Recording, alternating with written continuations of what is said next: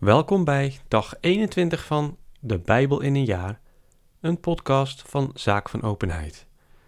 Vandaag lezen we Genesis 43, 44 en 45, Psalm 21 en Matthäus 14, vers 1 tot en met 21.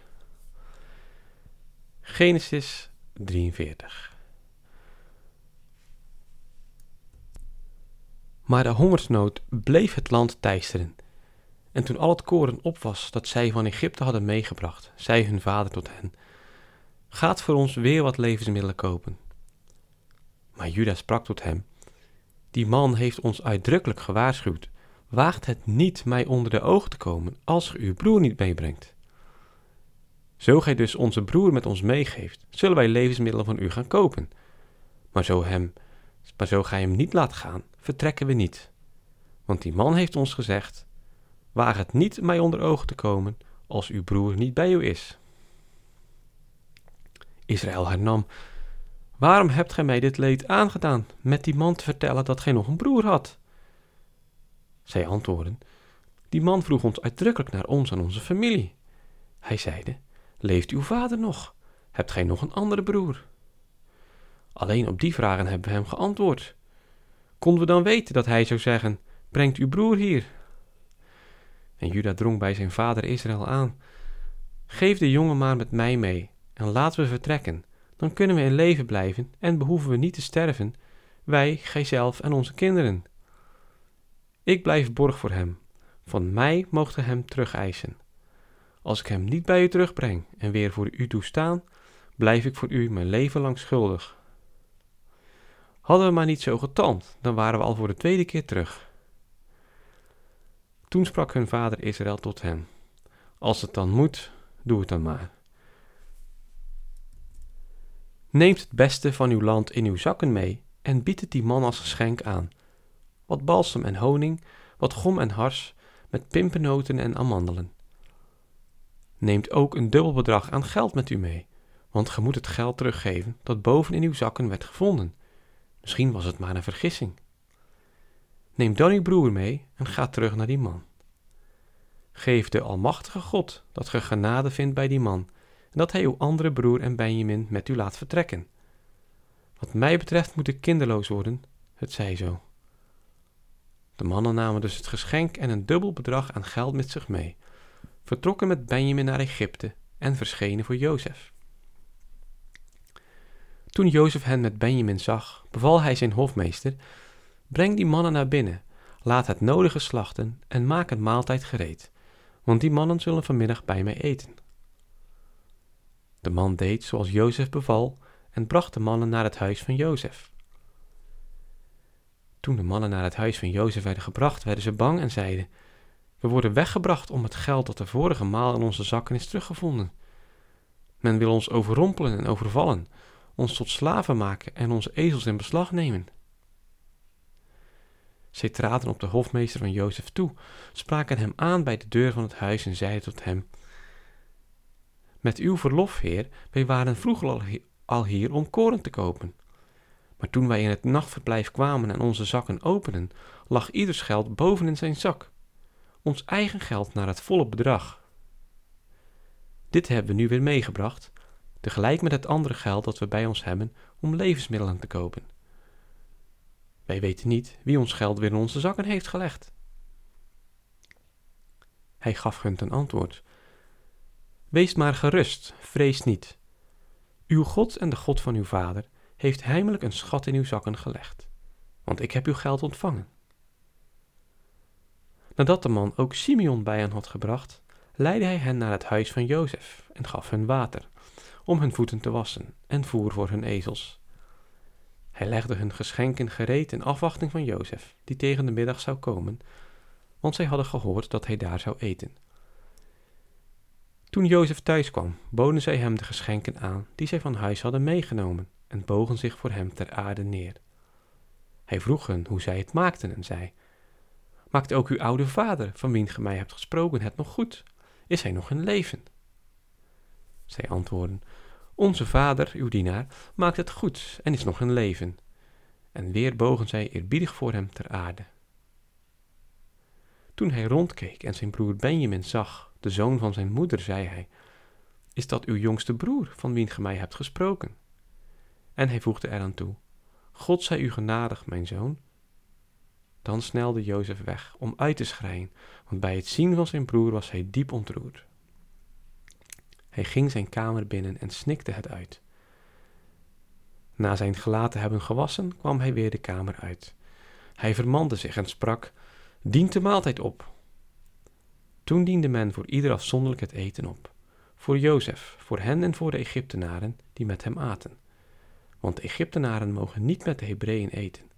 Dit is voor de Egyptenaren een gruwel.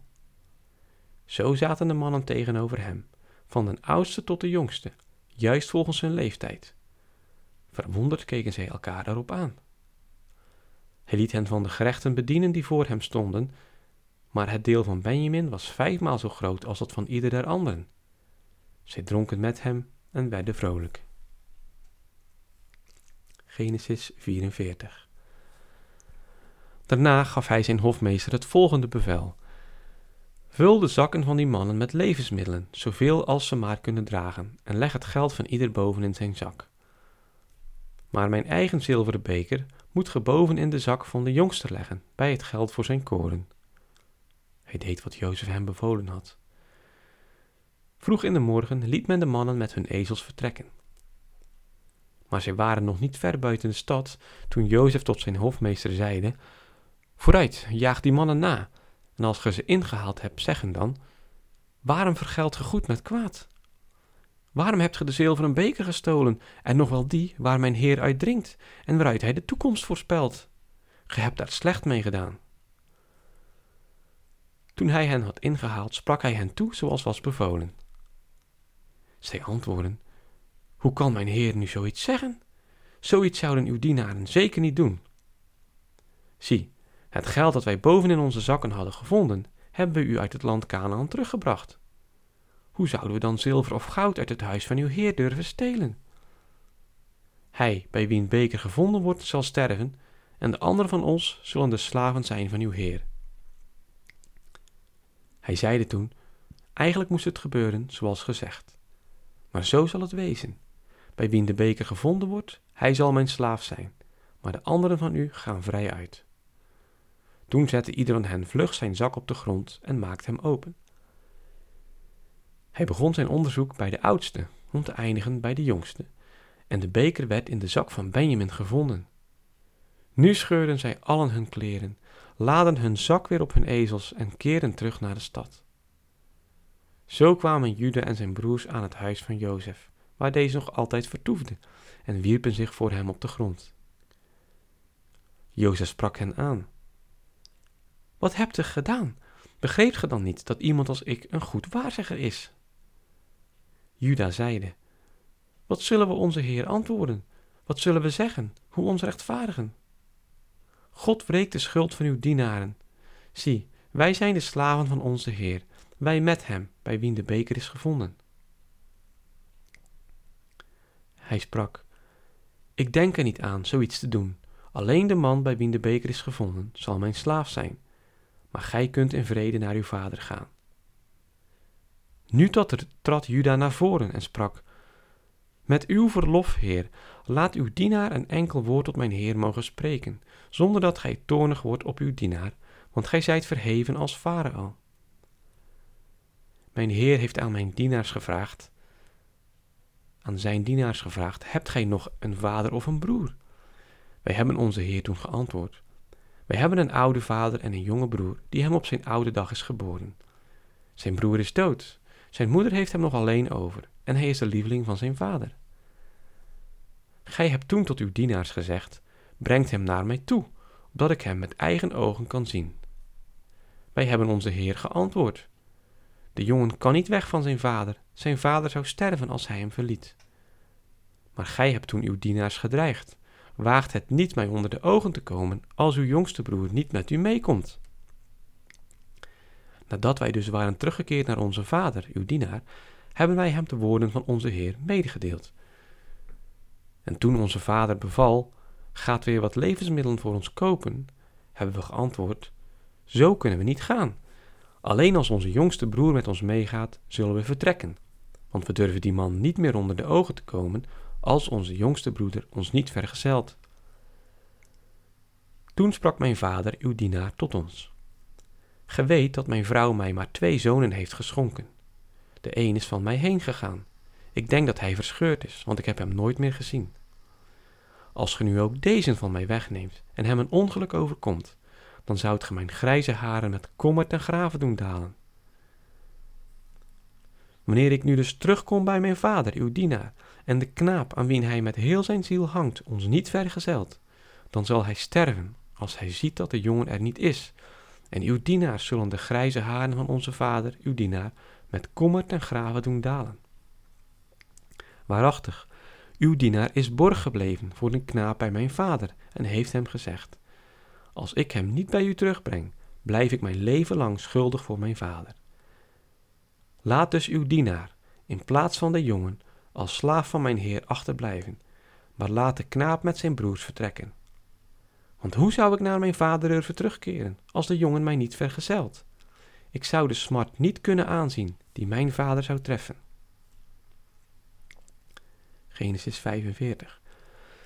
Nu kon Jozef zich voor al de omstanders niet langer bedwingen. Hij riep dat allen zouden heen gaan, zodat er niemand bij was, toen Jozef zich aan zijn broers bekend maakte. Hij begon hardop te schreien, zodat de Egyptenaren en het hof van Farao het hoorden. Hij zei tot zijn broers: Ik ben Jozef. Leeft vader nog? Maar zijn broers waren niet in staat hem te antwoorden. Ze deinsden van schrik voor hem terug. Maar Jozef sprak tot zijn broers: Kom toch dichter bij me. En toen zij dit hadden gedaan, herhaalde hij: Ik ben Jozef, uw broer, die ge naar Egypte verkocht hebt. Wees niet bedroefd en boos op uzelf dat ge mij hierheen hebt verkocht. Nee, God heeft mij voor u uitgezonden om uw leven te redden. Want twee jaren heerst wel nu al hongersnood in het land, en nog vijf jaar lang zal men ploegen nog oogsten. God heeft me voor u uitgezonden om uw geslacht op aarde te behouden en uw eigen leven te redden. Want niet gij hebt mij hierheen gezonden, maar God zelf. Hij heeft mij tot een vader voor Farao gemaakt, tot meester over heel zijn huis en heerser over heel het land van Egypte. Keer dus terstond terug naar mijn vader en zeg hem: Zo spreekt uw zoon Jozef. God heeft mij tot heer over heel Egypte verheven. Talm dus niet en kom naar mij toe. Gij kunt met uw zonen en kleinzonen, uw schapen en runderen en al wat u toebehoort in het land Goshen gaan wonen, zodat ge dicht bij me zult zijn. Ik zal u met uw huisgezin en heel uw bezit onderhouden, opdat gij niet tot armoede vervalt want de hongersnood zal nog vijf jaren duren. Gij ziet het toch met eigen ogen, en mijn broer Benjamin ziet het ook, dat ik een eigen persoon tot u spreek. Vertel dus mijn vader van al de glorie die ik in Egypte geniet, en van alles wat gij hebt gezien, en breng dan mijn vader zo spoedig mogelijk hier. Toen omhelsde hij onder tranen zijn broer Benjamin, en ook zijn broer Benjamin schreide bij de omhelzing. Dan kuste hij wenend al zijn broers. Toen eerst durfden zijn broers tot hem spreken. Het gerucht dat de broers van Jozef waren gekomen, drong door het paleis van Farao, en Farao en zijn hof waren erover verheugd. En Farao sprak tot Jozef: Zeg aan uw broers dat ze zo moeten doen. Zadelt uw dieren en trekt naar het land Canaan om uw vader en uw gezinnen te halen, en komt naar mij terug. Dan zal ik u het pijk van Egypte schenken, en ge zult het beste genieten wat het land opbrengt. Ook dit moet ge hun gelasten. Neemt uit Egypte wagens mee voor uw kleine kinderen en vrouwen. Vervoert er ook uw vader mee en komt hierheen. Ge behoeft geen spijt om uw huisraad te hebben, want het allerbeste wat Egypte kan bieden is voor u. Zo deden de zonen van Israël. Jozef gaf hun op bevel van Farao wagens en vergafte hun levensmiddelen voor de reis.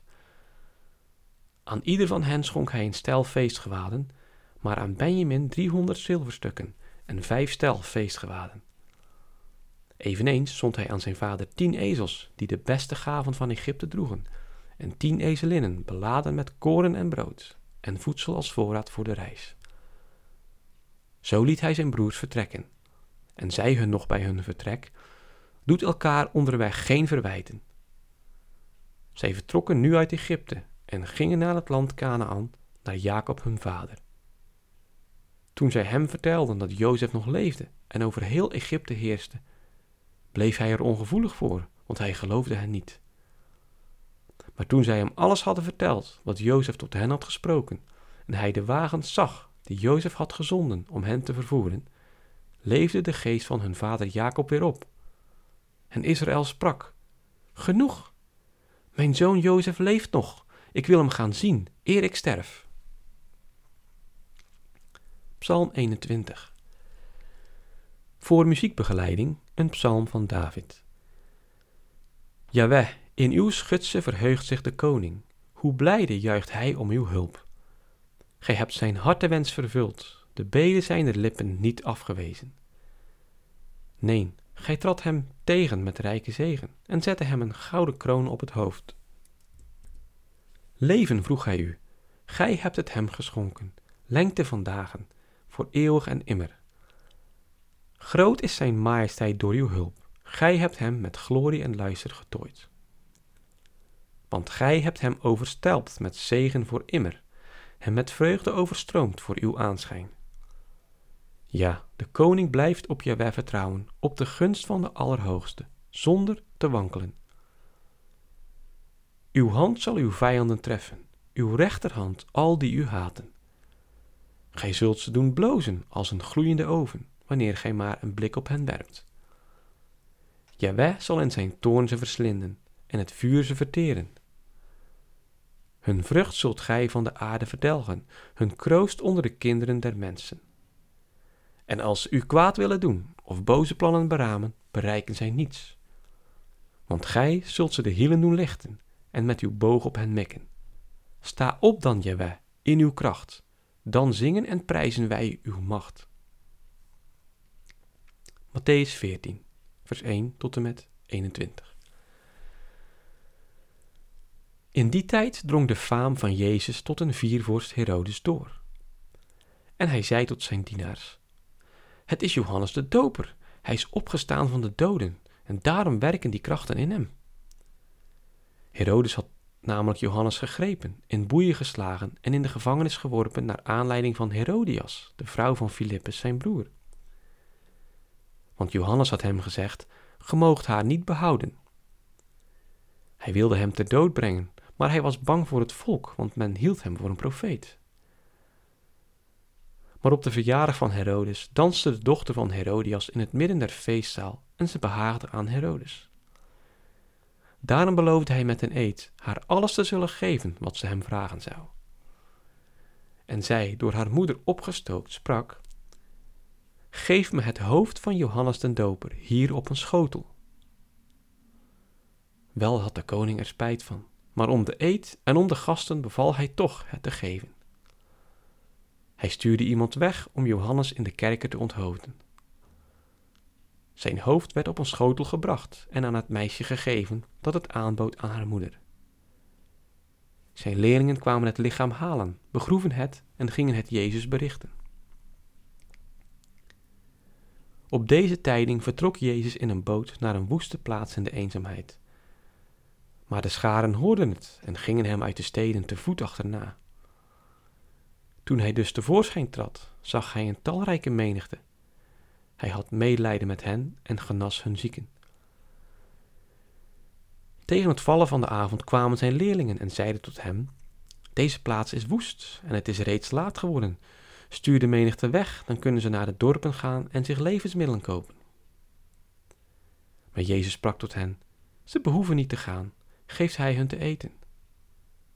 Ze antwoordden: We hebben hier slechts vijf broden en twee vissen. Hij zei hun: brengt ze mij hier. En nadat hij de scharen bevolen had zich neer te zetten op het gras, nam hij de vijf broden en de twee vissen, zag op ten hemel en sprak er de zegen over uit.